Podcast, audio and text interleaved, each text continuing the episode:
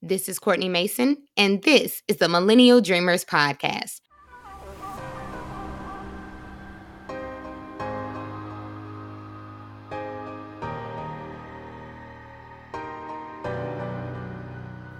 Welcome back to the podcast, friend. I hope you are doing fantastic. I'm doing well.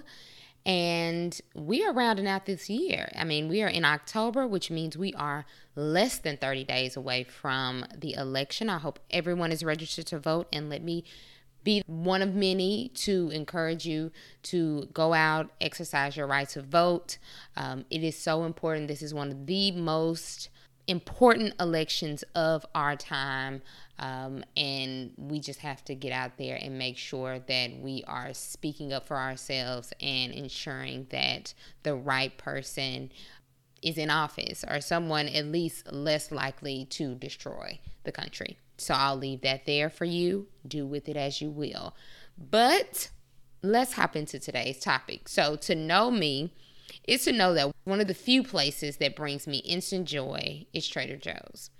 I never enjoyed grocery shopping before I found this store. I am absolutely a part of the obsessed cult following that you may have heard about that, you know, has developed from those of us who love the store more so than our local grocers or like Whole Foods where you can go and spend your whole paycheck there have been many times where I've had like a particularly challenging day and I'll say, let me go walk around Trader Joe's for a little while and see what they have because I know that when I get in there, my spirits will be lifted. I mean, I even follow an Instagram account called Black Girls in Trader Joe's, which is now one of my favorite accounts. It feels like a tribe of sisters who share products that we like. Um, I know that if I look on the the Black Girls in Trader Joe's stories, that someone's going to share something that I may have not known was in store at the time. Maybe it was a seasonal product that I wasn't aware of, and I'm like, oh crap, let me go and try that. So there's just you know so many things about this store that I love, which made me always wonder what makes this little quirky grocery store so successful. And as I started to research it, I wanted to share a few of the key drivers for their success because I believe it can serve as a lesson for small business owners or entrepreneurs um, and something that we can learn from as we grow our own businesses, right? So, getting right into it, one of the first things is that the consumers want fewer choices. Trader Joe's has a small amount of high quality items. They have about one fourth of the options that you will find at a traditional grocery store. And some items that you might find at your, we have Rouse's here in in New Orleans, but your your Piggly Wigglies, your you know Walmart's, whatever stores. They don't have a lot of the grocery items that those stores even have. But even the things that they do carry that are found in other some of the other stores, they have like such a limited amount of those particular items. You're not going to go and find um, 24 barbecue sauces. You're probably going to find six. And of those six, all of them are delicious. For example, I have the roasted garlic sriracha barbecue sauce. I eat it on literally everything. It is that good. I also have the um it's some type of like brown sugar barbecue sauce or something like that in the refrigerator now popping. Okay? Like it is so good. So they have fewer choices, but the choices that they have are so good that it doesn't even matter. Right? And I remember listening, this connects with another entrepreneur that I heard about on another podcast. I listened to Khadijah Polly. She's a Grambling State alum as well, and she's the owner of the popcorn brand K's Kettle Corn. And basically, while she was on the Side Hustle Pro podcast, she discussed some of her secrets to success. And she noted that she doesn't have a wide variety of popcorn flavors. She literally sells kettle corn, and that's it. Um, they come in a number of different package sizes, but the product itself is simplistic. And it on the website it even notes that there are only four ingredients in the popcorn. It's popcorn, sugar, canola oil, and sea salt. That's it. One simple product has grossed her well over a million dollars in sales and growing. She even has like a monthly subscription service where people can sign up to receive re ups on their popcorn if they've eaten it after so long. Maybe you can just kind of like, you'll get a, a, new shipment in after a couple of weeks, maybe a month or two months. I guess you can set it yourself. I'm not really entirely sure, but the point of it is she has grown this business and her product to have people who crave it so much so that they want to be on a monthly subscription service for it. And it's a simple product. She doesn't have a lot of different flavors. She's not going to try to say, oh, I'm doing well with this, so I want to add cheese, I want to add caramel, I want to add pepper and salt popcorn or you know all these other flavors that you can find she's managed to focus on kettle corn and do it so well that people choose her above any other brand. So, the lesson we have from here, the lesson that entrepreneurs and small business owners can glean from not only Kay's Kettle Corn, but Trader Joe's itself, is that you don't have to have all the things to make a ton of money. Trader Joe's is a billion dollar company. They have such a success with what they have and they don't have to have all these different products. So don't be overwhelmed by the idea of if I have a business then I need to have this, this, this, and this, and you're just adding a bunch of products, but you're not able to successfully move 20 different products. But if you whittled it down to five, maybe it would allow you to focus more on those simple products. And plus, fewer options allows a business owner to keep logistics simple. It helps you to simplify distribution. Um, you can reduce the middleman and, you know, just maintain more control in your business. So that's the first thing. Secondly, Trader Joe's has mastered the in store experience. First of all, it's a happy atmosphere, right? Um, when you come in there, it already feels like you're going on a treasure hunt because you'll find so many different products that weren't there the last time. I know when I went maybe a few weeks ago, that's when everyone started to put out pumpkin spice thing. You hear about it on Starbucks, they have their pumpkin spice latte, or you go in different places and they have all these pumpkin things. And it literally looked like an explosion of autumn in the store when I went in there. I mean, they have cinnamon brooms where you can like fan it around your house and make your house smell like cinnamon. I just bought some pumpkin bread that you can make like a cake with a loaf. They had pumpkin, um, some type of brioche bread that just looked amazing. So you're going to find a bunch of different things, but not only that, their employees add to the positive customer service experience. They have friendly employees and they're all trained to talk to the customer. Um, they will make recommendations for you if you're like, hmm, I'm not really sure if I want this one butter versus this maple butter or this vegan butter, yada, yada, yada. They, they are trained to make recommendations and they know the entire store.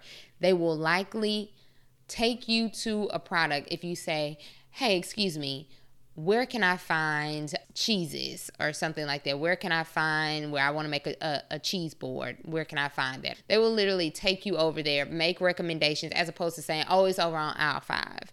They're specifically trained to enhance the customer experience. And that is something that Trader Joe's knows is a driver of their success. So they make sure that their employees are adding to that. You will often see them restocking products while people are shopping. They don't restock, you know, when the store is closed.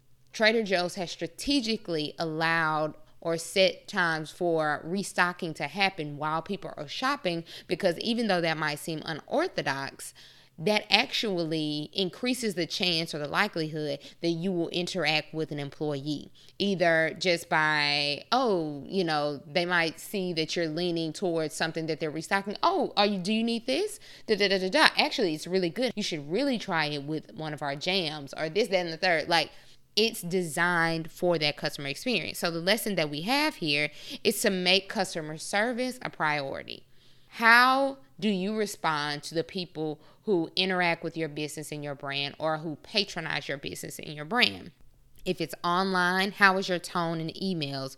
um, when you are speaking with people who have purchased or who are interested in purchasing your products or services. How do you receive calls? How's your tone or your demeanor when you receive calls? Are you short with people or, you know, are you helpful and pleasant?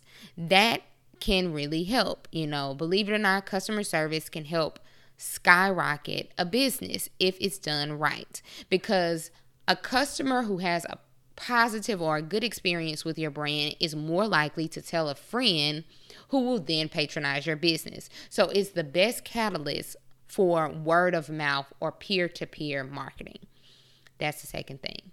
Thirdly, in Trader Joe's, you're limited in where you can pur- purchase. Their actual brick and mortar store is considered the brand. They do not sell online or wholesale. Even though those methods or means selling online and things like that would help them to grow the business even faster but they're not they are controlling the rate of their growth they aren't popping stores out we only have one in new orleans and a lot of people will say i don't know why they don't have it in new orleans it's actually in metairie but the company controls how many stores they have the location and things of that nature and you have to go into a physical location to get all the things you cannot order. So that's something that they've done that has helped them with their success is limit. So the lesson that we can learn from this driver of success is that you don't have to be in all the places. You don't have to be where everyone else is or do all the things that will make you visible and viable. For example, you might hear someone say that in order to get your to be seen, you should be everywhere on social media, meaning you should be on Twitter, Facebook, Instagram, Pinterest, and any other site that's going to help you gain visibility and more eyeballs. But the mere idea of that might overwhelm you, especially if you're managing it all yourself or if you have limited assistance. Trader Joe's does not have all of those things and they are uber successful. So, know that you don't have to be in all the places. Be in the spaces that you can dominate and that make sense for your brand. And the last driver of success um, is the Trader Joe's differential. Now, I read about this on an article written by Barbara Farfan on the Balance Everyday website. In the article entitled Trader Joe's has no grocery store competition. She wrote something that I'll read it as she wrote it um, because it pretty much explains it perfectly. She says the success of Trader Joe's hinges on something that every marketer is familiar with. It's referred to as your differential, which sets you apart from the competition. The Trader Joe's differential is its remarkableness. Everything about Trader Joe's is uniquely Trader Joe's. It ranges from the look of the proprietary brand labels to the aroma of the sample to the taste of the unique micro niche products to the unique package sizes to the sound of the friendly interactions between staff and customers. The sum total of all this uniqueness that is not a branding illusion, but a distinctly remarkable Trader Joe's experience of sights, sounds, smells, and tastes that is different than any other grocery retailer in the United States. Customers love what they call the Trader Joe's vibe, similar to the vibe that Apple creates for its in store customers. The Trader Joe's chain is proof that the old maxim, don't compete, create, is practical leadership advice. Trader Joe's isn't having trouble competing with larger chains like Walmart, Target, Costco, Whole Foods, and any other retailer because Trader Joe's has no competition. And I thought that summed it up perfectly. It's like what sets them apart? They have their own differential that is unlike any other store. So, the lesson that we can glean from this point is do not be intimidated by your competitors who have been doing what you do probably longer and who are probably already crushing it. Sometimes I know I've experienced it before and I've heard a ton of people talk about how they sometimes get, you know, imposter syndrome or they get intimidated or they get down by looking to their left and right and seeing someone else doing something similar and feeling like, well, I can't compete with that or what will make someone buy from me versus buying from this person who's already established and who knows what they're doing and who's um, has proof and you know their branding is better their marketing is better yada yada yada yada but don't be intimidated by that. There will always be competitors who do the same thing that you do but they're they don't bring the vibe that you bring. They don't bring the experience that you bring. They are not you. We are all uniquely ourselves with the way we speak move act and people identify with it. It's not that people buy what you have. They buy into the idea of you. If you sell them on you and your overall brand, they're going to want to buy it because they believe in what you're telling them. The story that you have created, the idea of your brand, whatever it is, they're going to buy into it because they believe in you. So, as a small business owner, as an entrepreneur, make sure that you're looking at that and seeing how you can separate yourself. Don't com- don't worry about competing. Create. Don't even try to mimic or copy what works for someone else. Go with what works for you and see how consumers identify with it and then you tweak it based on that, not based on what everyone else is doing. So I hope this is helpful. Uh, it was very helpful for me in researching and just trying to figure out why I love this store so much and what makes it so successful. And I couldn't help but think if I can see the parallels as a small business owner and as an entrepreneur, I'm pretty sure that it will be helpful for someone else. So, um, Again, if this helps anyone, please share it with a friend. Thank you so much for all the support that I've received thus far. And until next time, you have a good one. Peace.